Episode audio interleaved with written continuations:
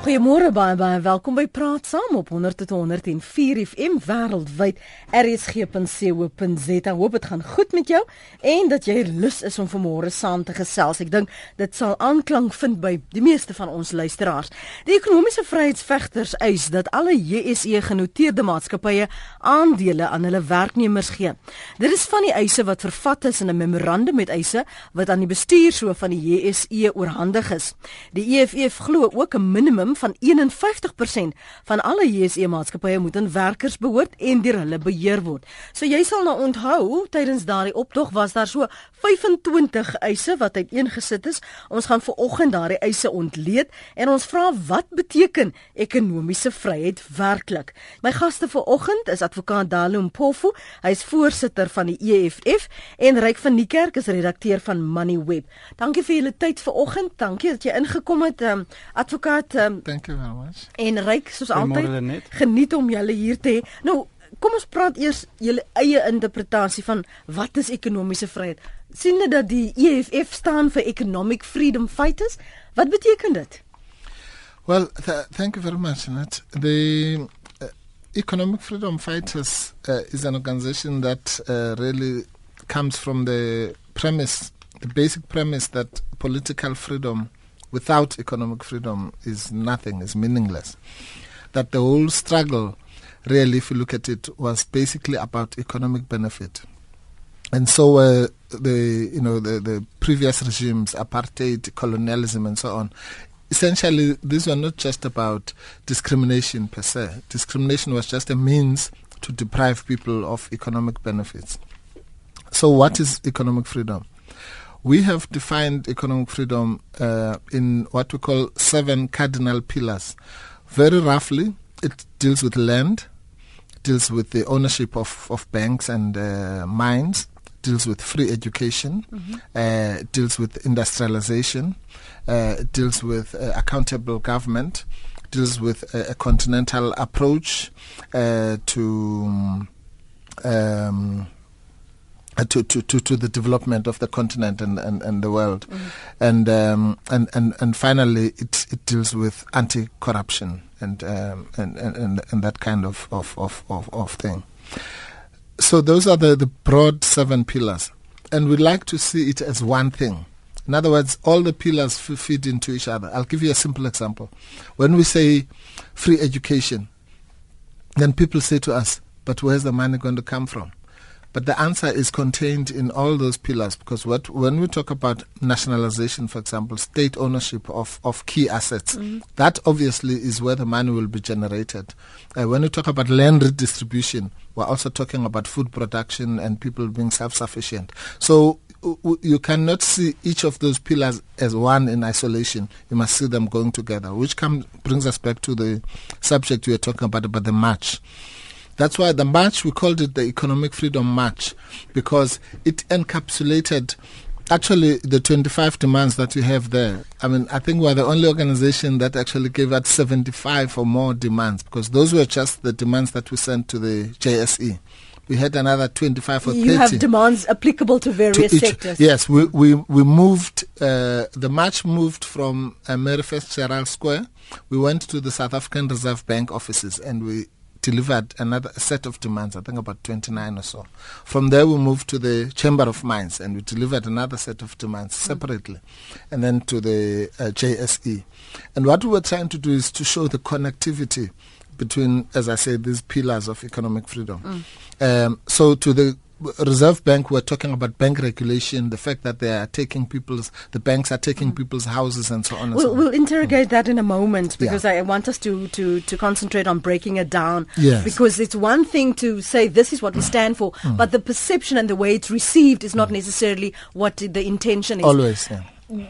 Kant, hoe hoe ontvang jy hierdie boodskap en en is dit realisties om al hierdie eise te hê en te praat oor ekonomiese vryheid in 'n ekonomiese klimaat waar wat ons almal angstig maak op die oomblik?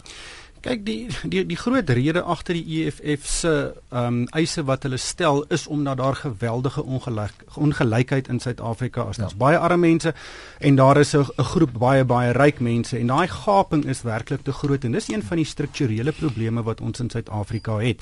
Ehm um, dit help ook nie dat uh, die helfte van jong mense nie werk kry nie. Ehm um, en dan kyk in hierdie politieke ehm um, omgewing waarin ons nou is, hulle kan nie werk kry nie en hulle kan nie op hulle eie daai gaping vernou nie en dit is 'n uh, eh, dit, dit is een regtig een van die grootste risiko's vir Suid vir die Suid-Afrikaanse ekonomie. Mm. Ehm um, omdat uh, dit moet aangespreek word. Nou daar die regering het reeds 'n hele klomp programme bekend gestel om daai gaping te vernou uh in die afgelope 20 jaar as daar bemagtigingsprogramme ehm um, die wet op gelyke indiensname en daar het 'n proses begin mm. waar daar 'n transformasie van die ekonomie plaasvind.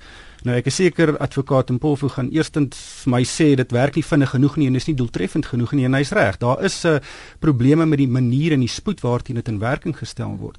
En uh, en ek, ek dink enige private sektor maatskappy sal ook vir jou erken dit moet versnel word. Mm. Waar ek nie met hom saamstem nie is hoe dit versnel moet ja. word deur te eis dat aandele oorgedra word van een party na 'n ander party gaan nie werk nie. Ehm um, die finansiële sektor is 'n baie sensitiewe sektor en die oomblik as daar ehm um, enige beleidseise is, uh kan dit beleggers wegjaag en ek weet dit is 'n onderwerp wat hy ook sal aanspreek, maar daar's ander maniere hoe dit gedoen moet word. Uh die die, die rede hoekom dit nie so vinnig uh, gebeur nie, kan mens meestal voor die implementering van sekere mm. stelsels uh, lê en in weer eens uh, die regering moet ook verantwoordelikheid besluit hier vat dat dit nie vinnig genoeg gebeur het nie. Ons gaan nou praat oor daai programme en en hoe hulle dit voorsien dat hierdie uh, eienaarskap hande moet ruil. Ek wil net gou vinnig vir jou vra. Ons het net vooraf die voor die EFF se optog het ons die studente optogte gehad. Watter effek het daardie kumulatiewe optogte op ons ekonomie gehad en veral ons rand? Het dit enigsins 'n effek gehad? Ek dink nie op die rand so seer nie. Uh, die rand word deesdae meer gedryf deur internasionale faktore as plaaslike faktore. Maar die studente optof was baie baie interessant want die studente het reg gekry binne 1 week wat geen oppositieparty in 20 jaar kon regkry nie. Nie die DA nie, die EFF nie, geen ander party nie. Hulle die regering se se se laat die president sy uh, besluit laat verander um binne 1 week met protesoptogte. Um en ek dink dit het dalk uh, 'n uh, hele nuwe hoofstuk oopgemaak in die manier hoe daar met die regering onderhandel gaan word. Hmm. Dit lyk regtig nie asof dit deur die parlement 'n uh, groot impak het op die ANC nie. Um en uh, en ek dink sy die studente ek weet nie of die regering dit heeltemal korrek hanteer het nie, maar dit het dan nou die pad gebaan vir optogte soos wat die EFF gedoen het mm. om op 'n ander manier te kyk of hulle die regering uh weet kan kry om sy sy besluite te verander is dit die pad vorentoe om daardie soort druk op die regering uit te oefen want daarna die week daarna sien ons die EFF opruk. Uh, ek dink sommige spekuleer tussen 20 en 50000.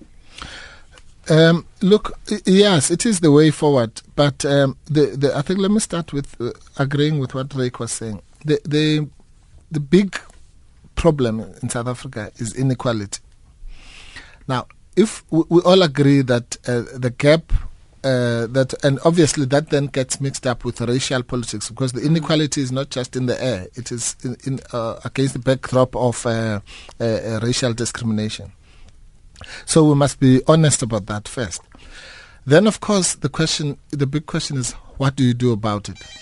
And we we are a socialist party. So we believe that the way to resolve the problems of South Africa are through state intervention, state ownership of, of uh, large parts of the economy, which will then be redistributed because you cannot provide all these things of free education and all that uh, until unless if you do that. Um, so we, we, are a leftist party from that point of view. Mm. Other people are free to, like the DA and, and the others. They believe no. What you must do is you must uh, just use the capitalist method, strengthen uh, big business, and then somehow, you know, uh, by the grace of the Lord, it will trickle down to the poor. Well, I mean, we don't believe that will ever happen. It's, it's actual just economic nonsense because, uh, you know, you, you, these things, what actually happens in reality is that the gap between the poor and the rich widens as it has between 1994 and, and now. Mm. But that's fine. We can differ. I mean, you know, we don't have to fight about it. It's an ideological stance that we take. They take their stance. Let's debate uh, as South Africans are supposed to. When it comes to the question, uh, uh, where I differ with Rick is, you know, to distinguish, for example, between the student protests and, and what we do. It's, it's, it's not that simple. What we are saying is that all South Africans must, in a peaceful way, take up and put maximum pressure on the government. So the students, the students can never change the political situation in South Africa. They, they, they fight a student struggle, but that's part of the broader struggle. The broader struggle is about political change.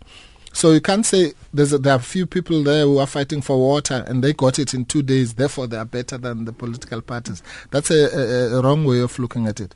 Because no struggle, even the youth that fought the education struggle in 76, eventually they realized it's not just about uh, whatever the demands were it's about changing the system as a whole and that's really the challenge as long as what, what we must appreciate as south africans is that we 1994, even though we complain about the changes, the nature of the changes was significant because it created the space for peaceful political participation. That's why the, the EFF uses three major platforms to, to, to put pressure on the government.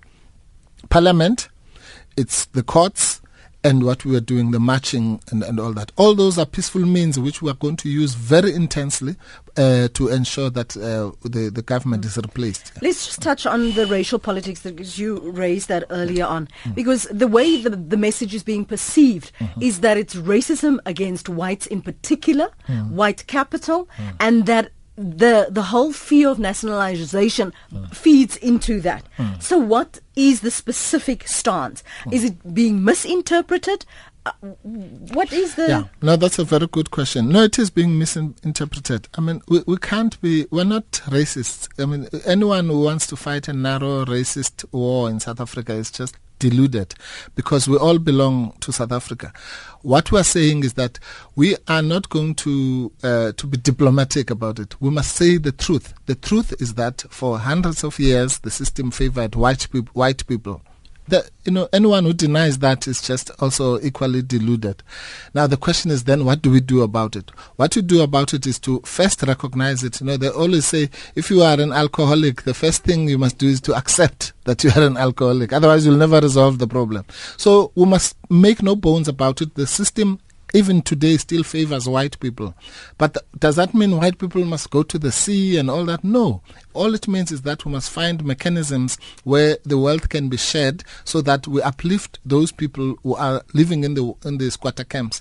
I always say the best example for me in South Africa is that if you look at a squatter camp, a shanty town, you don't have to see a single human being, but you will know that black people live there. Why? Because of, of our history. So let's let's not a bit about the bush, and that's the difference. Maybe it's because, unlike the ANC, we say it as it is, and uh, it might come out to some people as if it's anti-white, but it's actually the truth. And the truth is what is going to set us free in finding the solutions. Vanaand van jou kant voor ek na die lyne toe gaan. Ja ja, ek dink wat wat advokaat Mpofo sê is is 100% waar. Daar is wit mense is bevoordeel uh, en in die stelsels soos op die oomblik um, nou gebeur uh, is dit nog steeds. Ek dink baie mense erken dit. Die probleem die die groot debat gaan oor hoe los jy dit op. Ehm um, en daar verskil ons wesenlik. Ek dink 'n verdeelstrategie gaan nie werk nie. Dit gaan baie meer on ehm um, uh, bedoelde gevolge hê uh, as bloot om die ongelykheid reg te stel en in in my standpunt is baie duidelik die enigste manier hoe jy dit oplos is om rykdom te skep jy skep 'n uh, um, omgewing waar entrepreneurs kan floreer mm. waar klein ondernemings begin en kan groei tot groot groot maatskappye.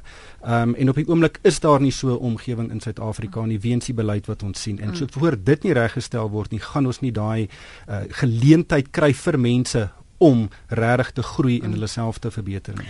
So ons praat dan uh, verder vanoggend oor hoe skep ons daardie rykdom, daardie welvaart sodat jy ekonomiese bevryding vir almal kan kan skep. Jy kan saamgesels. Kom ons gaan na die lyne toe. Jy praat direk met my gaste vanoggend, advokaat Dalium Poffe, voorsitter van die EFF en Ryk van die Kerk redakteur van Moneyweb. Jy kan ook jou SMS stuur na 34024. Onthou net dit kos jou R1. Konnie, kom ons begin by jou.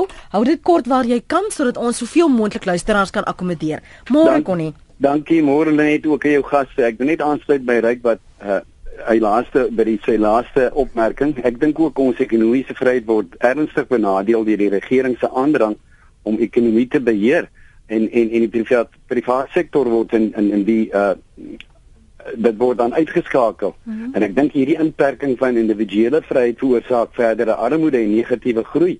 Ons weet tog dat mense se lewensgehalte word verhoog met meer ekonomiese vryheid en dan natuurlik burgerlike vryheid daarbey.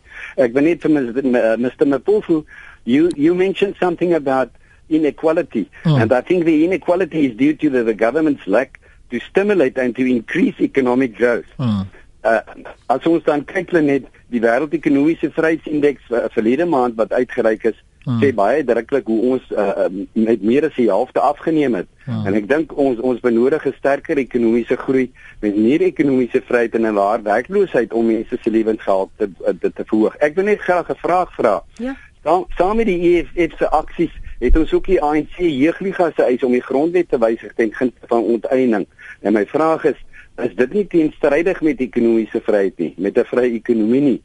En en ek dink dit dui eerder op 'n totalitêre of 'n autokratiese stelsel. En dan die heel laastens is ons afname in ekonomiese vryheid nie 'n teken van 'n uh, kommunistiese groei nie. Mooi dag vir julle. Goed, dankie vir daardie punte. Ons gaan nou daarby uitkom, Karl. Is dit Karl of Shaal? Uh Karl van Pretoria. Môre.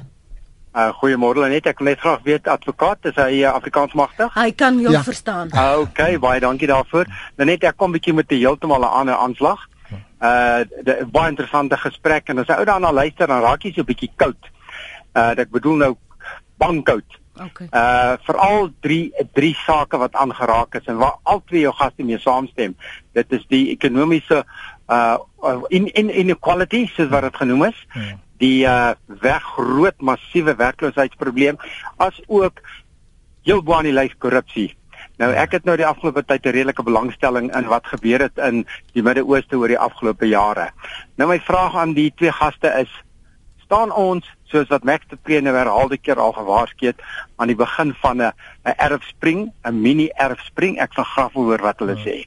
Dankie hoor. Baie dankie, dankie daarvoor. Eh, ryk miskien eers by jou hoor. Staan ons op die op die die drempel van 'n af uh, uh, Arabiese lente. Jong, ek dink ons het baie groot probleme op die oomblik, maar Suid-Afrika is 'n interessante land. Ons staan seker al van 19 van die 1970s af 5 jaar van 'n afgrond af elke jaar. So, ehm um, maar wat ons nou sien is 'n uh, 'n sosiale ongelukkigheid met wat in Suid-Afrika gebeur. Weet 50% van jong mense wat uit die skool uitstap, kry nie werk nie, het nie werk nie. Nou mm uh, in enige taal is dit 'n krisis. Ehm um, en dit moet aangespreek word. Uh, weet hoe lank kan so 'n groot en belangrike deel van die bevolking weet te tevrede wees daarmee in aanhalingstekens. Ehm um, en ons het nou gesien dat dit lyk my een van die tale wat die regering verstaan is 'n uh, groot protesopsogte met 'n uh, beperkte geweld en dan word daarop gereageer. So ek vermoed hierdie tipe van optrede kan verskerp in die toekoms. Ehm um, en uh Uh, ek weet nie of dit uh, so ernstig is soos 'n Arab Spring wat uh, heeltemal 'n regeringsverandering kan meebring nie en hopelik nie, maar hopelik kan dit dan die regering weet oortuig om nuwe beleidsstandpunte aan te neem wat werk kan skep. As mens gaan kyk na die Suid-Afrika se ekonomiese geskiedenis, het ons die meeste werksgeleenthede in die geskiedenis van Suid-Afrika geskep tussen 2001 en 2009 voor ons die finansiële krisis gekry het. Die ekonomie het vinnig gegroei mm. en daar is 'n geweldige groot aantal werksgeleenthede geskep en ons moet daai selfde scenario weer in werking stel in Suid-Afrika waar die ekonomie groei en ons werk skep. Dis die enigste manier om hierdie mm. probleem op te los. Ek die punte wat Karl aangeraak het, uh advokaat dat die ongelykheid, die werkloosheid en die korrupsie dat daardie kern goed vir hom in die pad staan voordat ons kan praat oor oor ekonomiese ehm um, vryheid maar ook daarmee saam dat dit hom bang maak. Hmm. Want ek dink hy hoor ook die uitsprake wat van tyd tot tyd misbruik word deur politici. Yeah, well, that will happen. You know, politicians are politicians. The the reality. Yes, but the consequences of those. Yeah. Uh, um, uh, uh, speeches Statements, yeah. and incitements mm. is dangerous. No, I understand, but that's what I'm what I'm saying. I mean, you know, uh, for example, during elections, uh, politicians will uh, incite the, the, the, you know the just to get political support. Those are short-term things. I think what is the challenge is is even looking at across the political spectrum what, what we need to do is, I mean, for example, somebody said, look, the remarkable thing about the march that we had last week is the fact that on a weekday, we're able to get 50,000 people on the street, something that is for such a long distance, and also without any incidents. Now, of all those statements, you must uh, you must learn something. So many people. That means that those people in a normal society would, should have been at work. But here they are. But secondly, it shows the fact that they came in those numbers that they feel so strongly about the economic issues. And the fact that there were no incidents of violence or any any looting and mm. so on also indicates that these are people who are really, uh, you know, not just out there to cause trouble, but they, they are crying out for, for all of us mm. uh, to notice. So I agree with him uh, the inequality, unemployment, and the corruption. Probably, if if if we were to address those, it would alleviate some of the stress points that our society is facing, which is a big threat, by the way, to all of us. Because if the, the, the anger that is out there is not channeled and controlled, and there's no leadership, then obviously we are all in for a, a, a big uh, disaster. Mm. So these are warning signs for us to address the ills uh, that he has mentioned, all of them. But it goes back to what the first caller was saying. You know, everyone agrees you must have economic growth. Uh, you can't redistribute poverty, so to speak. But the, where we all differ is how do you achieve the, the economic growth? And we say, for example, it is through state intervention so that because you can't leave it to the market and, and, and just pray that it will trickle down to the poor because that, as I said, that is no, never going to happen. So, for example, we come with concrete proposals such as the minimum wage. We say if you introduce the minimum wage, that is a way of stimulating the economy because once you put and even it's not even necessarily a socialist thing. Germany just now just has just introduced the minimum wage. Obama is talking minimum wage. Why? Because logic dictates that for you to stimulate economic activity people must have disposable income in their pockets. Then they're going to buy goods. Then somebody must make those goods. Then that's what you call a job. You know it's, it's simple pure economics one. We must then debate those kinds of issues. And and if we differ, others might say, no, don't start with the economic wage. Start uh, uh concentrate on education. I agree on that as well. I think all these things, BEE and all that, that's all short term measures. If you really want to empower people, you must give them an education. Uh, and But it's a long term thing. It takes 20 or 30 years before you can have your turnaround. What do we do in the short term? That's the kind of debate we should be having, all of us as South Africans. Yeah. Ryk vinnig van jou kant vir ons 'n breek neem. Minimumlone is altyd 'n interessante debat. Ek dink in Suid-Afrika het ons 'n 25% werkloosheid en uh om te wag dat uh, minimumloon die aantal werksgeleenthede gaan skep of dat werksgeleenthede gaan skep word teen 'n sekere minimumloon is onrealisties. Um, ek dink ons moet uh, werk moet baie meer uh die die die arbeidswetgewing moet verminder word sodat daar meer korttermyn werksgeleenthede geskep kan word.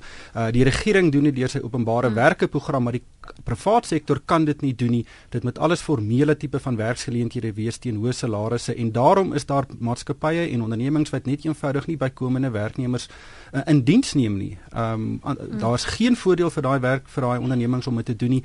Inteendeel, dit sit net meer meer um druk op hulle winsgewendheid. So so I I I conclude that BE is just the short term answer yeah. to to that so it doesn't really have a significant Even if it was working. I mean right now it's abused it's it's it's it's chronism and political connected people and so on. So I'm saying even if it was applied properly it would still be a short term thing because it would only affect uh, those people who are entrepreneurs and so on. So fine, let's have the short term measures but let's look at the big prize which is real empowerment, as I say, is about education. That's why the struggle for free education is a big, a big matter. But then again, you turn around and you say, you've had decades of Bantu education, of deliberate um, poor schooling in, in the black areas. How are you going to reverse that? Are you going to reverse that by leaving it to the market? It will never, never, never happen. The market will do what it is doing now, which is to say for the rich, they will have private education. Mm. They take their kids to the private schools and the poor must remain uh, in the dusty streets until you have a state, a government that can intervene and close that gap. It's not going to happen through the so-called trickle down so, effect. So if you say that even the existing programs that government have and the projects that Reg mentioned earlier on, that's not sufficient to escalate the change and the transformation. Yeah. How do we then get the buy-in of everybody without alienating them by marching and saying, take this white capital, put it into black hands now. No, well, anyone who's alienated by a peaceful march then does not belong to this society because that those are the rights. You can't have it both ways. You can't say people have human rights to protest and so on peacefully, and then when they do it, you you, you feel threatened. I, mean, I don't understand that argument. But the point, uh, uh let's go back to what Rick was saying about the minimum wage.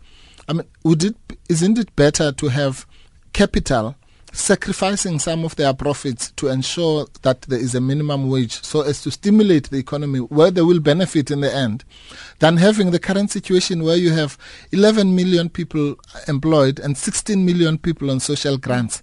I mean, th- that money still has to come from, from somewhere. It still comes from, it's a burden on the state.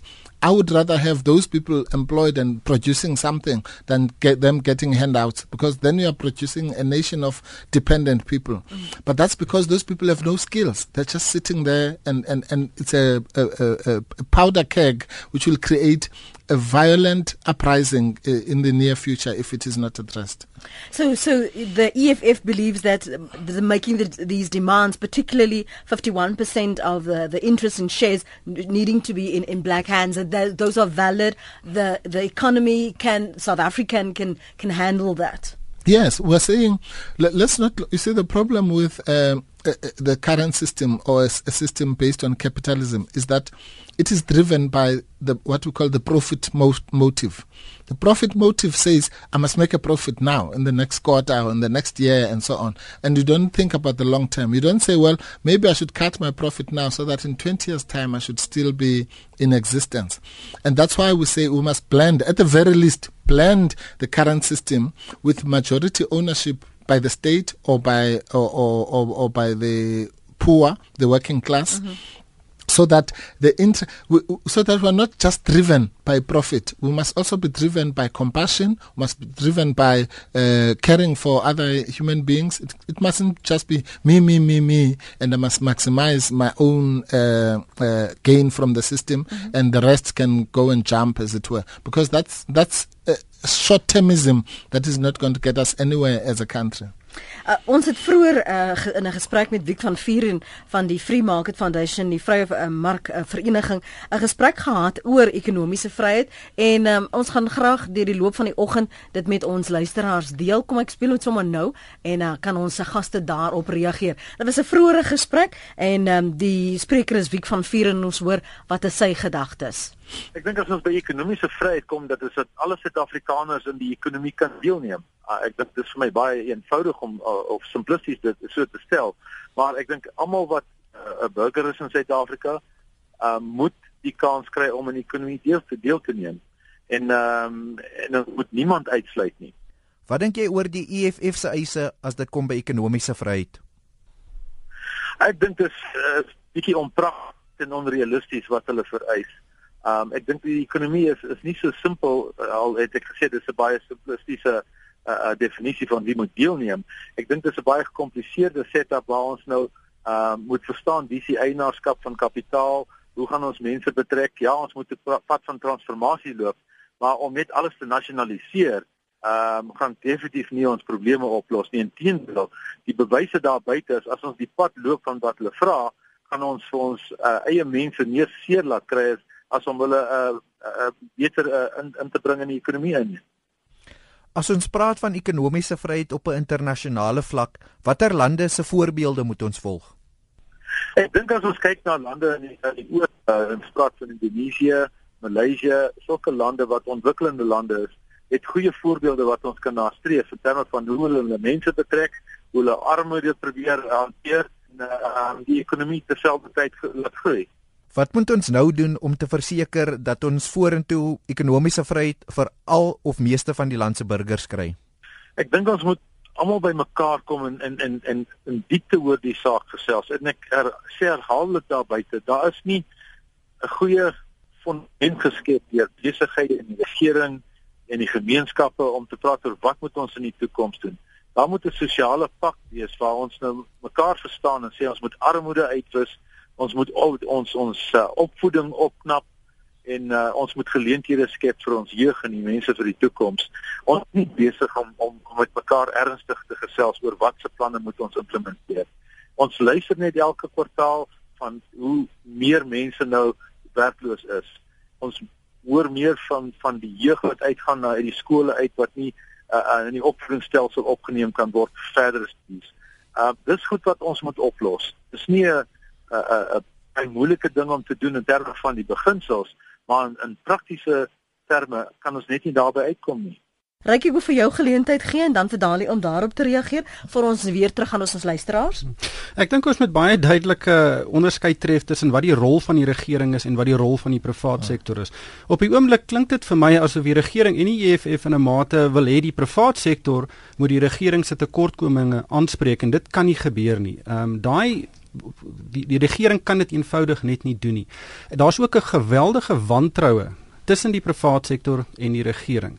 Ehm um, en weet jy hoor sekere boodskappe van 'n verhoog af en dan wat dan dan gesê word in onderhandelingskamers tussen die regering en die privaat sektor is net heeltemal iets anders. Daar's 'n geweldige wantroue en ek dink daai wantroue is besig om te vergroot op die oomblik en en en voor daai probleem nie ook nie opgelos is nie, gaan die private sektor nou nie oor sy voete val om van die probleme van die regering oor te neem en te help oplos nie. Ehm um, en uh dit is 'n dis 'n baie baie belangrike punt hierdie. Byvoorbeeld ehm um, Julius Malema het tydens die optog baie baie dinge gesê wat baie meer kras is as ek dit so kan stel as wat 'n uh, advokaat in Polfo dit vandag sê. En dit is weer eens 'n verskillende boodskap wat uitgestuur word oor wat die eise werklik is en en wat die die gees of die uh, die die die uh, agenda agter daai eise hmm. is. Wie ook kans gee? Well, um, uh, fortunately, the, all the demands are in black and white, so they they don't change. They are there. You've got them in front of you. But look, I think the the issue is this. Uh, Vic van Veren is is correct that the the issue of inclusion. What we need is to include people in the economy. The last thing you want, believe me, is to have a section of the community that has no stake in the economy. They don't care whether there's peace or war or whatever because they have nothing to lose. Mm. And that is what we're doing. We're busy creating that as the largest uh, section of our population. It is short sightedness. It will be too late before people realize, oh, we could have done something about this five years ago. By then, not the EFF, not the police, not anyone will be able to control what will happen because people are not going to sit and watch, uh, you know, other people getting richer and richer and living in gated communities and they have nothing to eat. It's not going to happen. Mm-hmm. So we must just wisen up and wake up and sort out the problem now. And that requires a lot of pain and sacrifice. If our white compatriots and the rich people, black and white, can accept that this problem is not going to be resolved without some sacrifice. It's no use to say, I want to preserve everything I have the land, the money, the, the factories, and so on.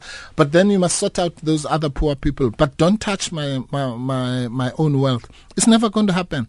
So it, either we do it in an orderly fashion of sharing the economy, or it's going to be done in a haphazard, uh, crazy fashion where we all will be the losers. That's the problem. The, you can't preserve and at the same time uh, uh, share. Mm. And you can't expect the private sector to do it on their own because it's in the nature of a business to want to accumulate the maximum profit. That's what they are there for, for their shareholders. They're not there for the broader society. That's why you need a state that will regulate the economy mm. in such a way that there is that sharing. And um, that, that that's really is, is, is you know, it's painful to watch people literally committing suicide, national suicide, by simply being selfish and not wanting to share, not wanting to share the land, not wanting to share any of the accumulated uh, riches that were the ill-gotten gains from apartheid and, and, and other systems that, that, that preceded it. Because that's where we're stuck as a, as a society. Let's go back uh, terug na ons uh, inbeller. Johan, dankie vir die aanhou. Jy's in Durban. Ja, ag ek ek moet net sê jy weet ehm uh, Lenet ek het my vir nou 30 jaar vir vervoerdienste gewerk en ek het nou 'n pakket gevat en ons het 'n Pi City fabriek gekoop met vier met vier winkels. En dit het goed gegaan daai tyd en ons het nog 'n fabriek gekoop ons het op 'n stadium 17 winkels gehad. Ons het goed gedoen, jy weet en maar wat ons nou seermaak die laaste die laaste paar jaar is is ons elektrisiteit het so opgegaan. Ons huure het so opgegaan dat ons kan nie meer ons, ons ek het al my porsies wat ek gehad het verkoop. my my my gebed was altyd vir die vir die mense. Ek wens ek kan julle soveel geld betaal sodat julle 'n lekker lewe kan hê sodat julle kan gelukkig wees. Maar as ek my ek sukkel nou deesdae om my mense 'n verhoging te gee elke maand. Ag eh, elke jaar. Elke jaar. Jy weet ek kan dit nie verstaan ons ons huure het so hoog gegaan nou deesdae. Ek betaal hier so R700 per vierkante meter vir 'n klein winkeltjie van 14 vierkante meter werk dit is 'n klein kiosk in 'n in 'n groot shop, groot shopping center. so ek wil graag uitbrei. Ek wil graag nog winkels oopmaak. Ek wil graag nog 'n bietjie meer werk skep vir die mense, maar ons het nie meer geld om dit te doen nie. Nou kom daar kom maar geleenthede op. Wil jy die winkel hê? Nee, ons het nie geld om nog 'n winkel op te sit nie, want om 'n winkel op te sit kos jy 3, 400 000, 500 000 rand om 'n winkel op te sit. Jy weet so Maar wat ek nie kan verstaan nie, hoekom voer ons ons ons grondstowwe uit na China toe en na al oor die wêreld? Mhm. Uh en dan bring ons die die geprosesede produk bring ons nou terug. Hoekom as ons so by China nou ons is so beheer met China dis da hoekom vra ons nie vir China om ons hier te kom help om fabrieke hier te bou.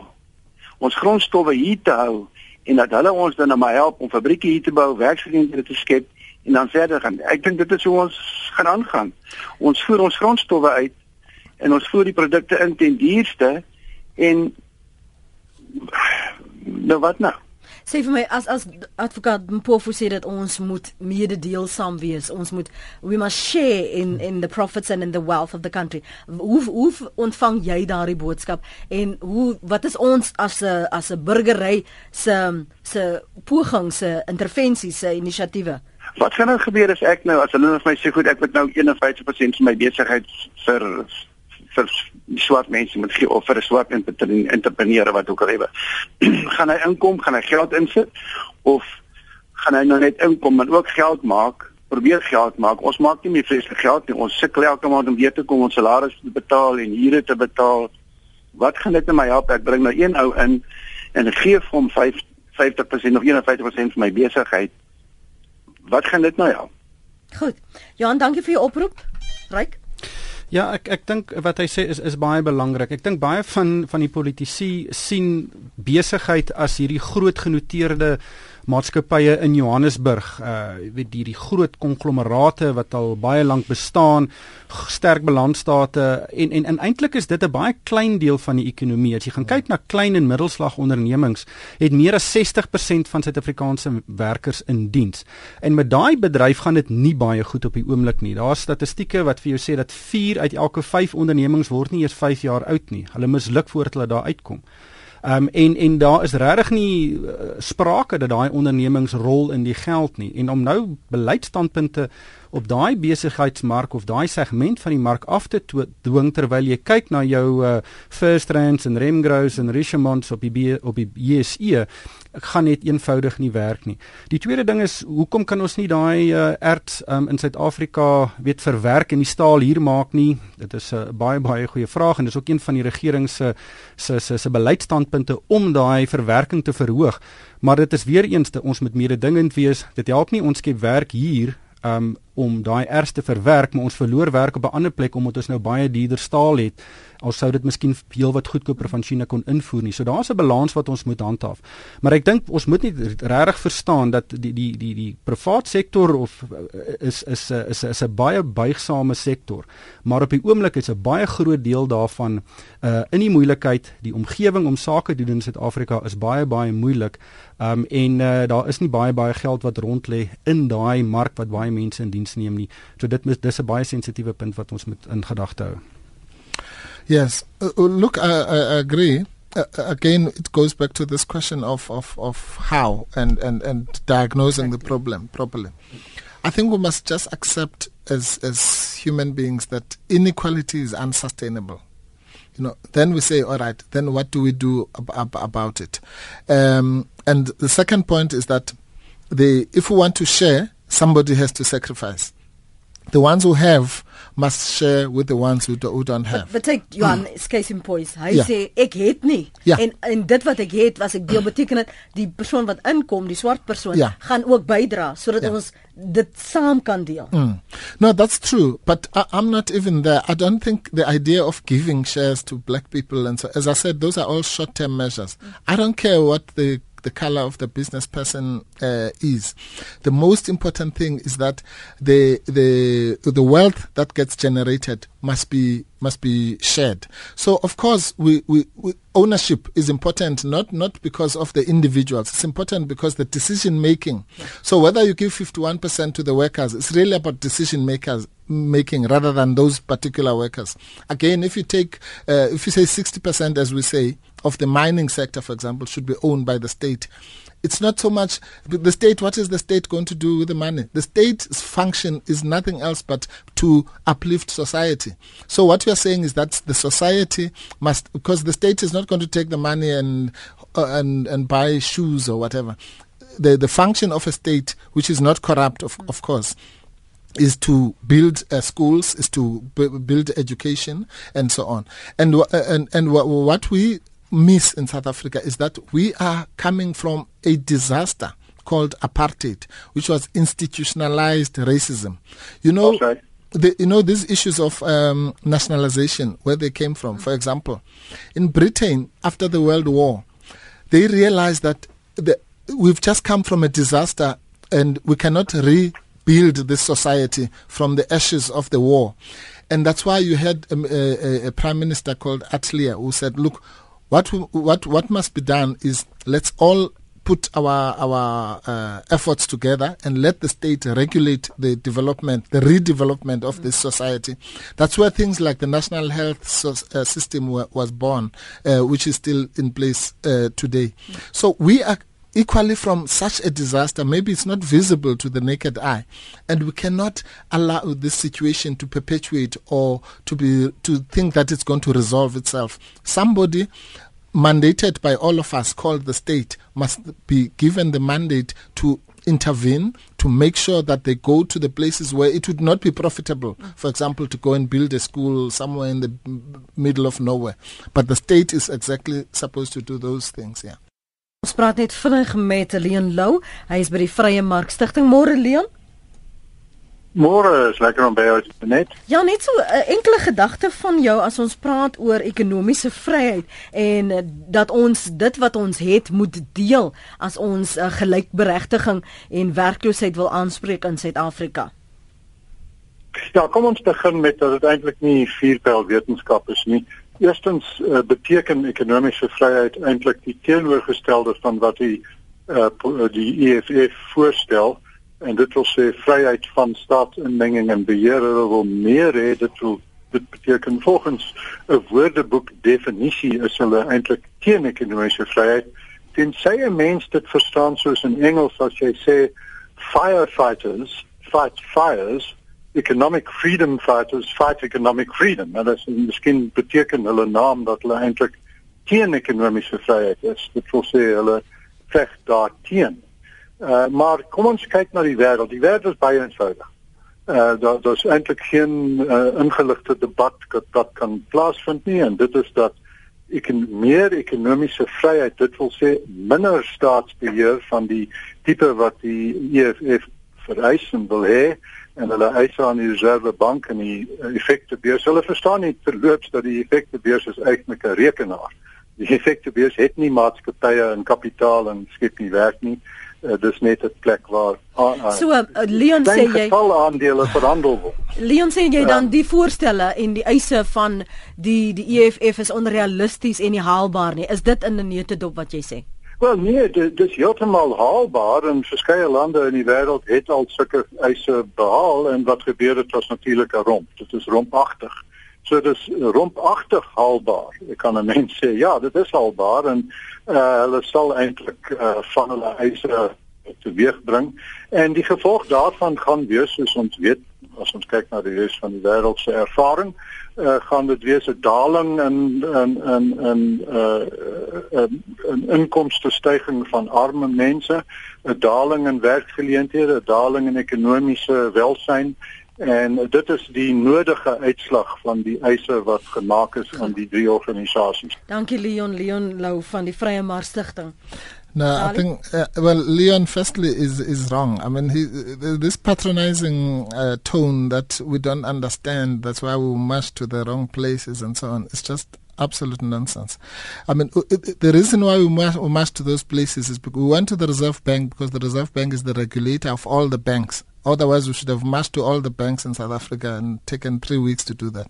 We marched to the uh, Chamber of Mines because it is the regulator of most of the mines in South Africa. And the JSE is the regulator for the listed companies. I, I mean, we were not that stupid. But the, the, the question about. Um, uh, so-called individual, uh, uh, unrealistic, you know, that kind of thing I don't even want to entertain. It's like saying to Christians, you know, you mustn't pray for righteousness and uh, where people care for their neighbor because there's no country in the world where that happens but that's exactly why we go to church every Sunday.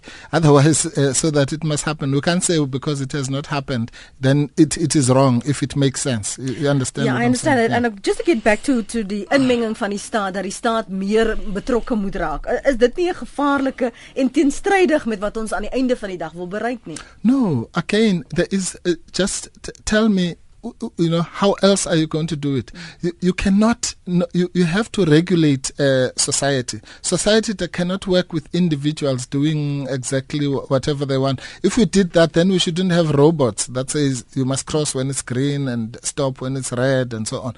You have to regulate otherwise you'd have chaos. You'd never have the flow of traffic if nobody was regulating that this is a one way that goes this way and so on. You know it's, it's ridiculous to suggest that this thing is just going to regulate itself and all will be happy one day you know. It's al die al die hierdie eise kortliks waar jy kan asseblief uh, is dit nie maar net beloftes om kiesers by die stembus te trek nie? No it, it's not it's not about votes. It's about a, a, a system. All of us are looking for solutions as i say. Those people who, who, who uh, advocate so-called free market and let it sort itself out they also genuinely they believe that that stuff. It's just that it, it will never produce. There's no evidence that it can produce anything. The only way, I mean, if if if it was like that, I mean, in South Africa we know apartheid was the height of of of regulation. If they had just said, look, let it regulate itself, we won't have the Group Areas Act, we won't have Bantu Education, we won't have uh, Separate Amenities Act, it would not, even that system would not have worked. So you can't undo it by some free for all mm. and uh, a wing and a prayer. Kortliks. Maar ek dink as mense net terug staan, jy, jy kan nie iemand slaan met 'n stok en hoop hy gaan iets goed doen nie. En ek dink dit is wat baie van die private sektor mense hierdie hele um, storie ervaar. As ons bietjie terug staan, weet, Suid-Afrika trek nie in een rigting nie. Ons het verskillende segmente wat in verskillende rigtings trek. Dis nie soos soos voor die Wêreldbeker waar almal saamgestaan het om dit te maak werk nie. Daar's nie een plan in Suid-Afrika om hierdie probleme op te los nie. Almal weet ons moet dit oplos, maar ons het nie daai plan om dit te doen nie. Vir hierdie vroeë 90s uh, het is daar 'n goeie storie van Bill Venter van Ultron. Uh, sy foon het eendag gelei en dit was uh, Nelson Mandela op die foon en hy het gesê: "Bill, ek wil hê jy moet 'n skool bou hier."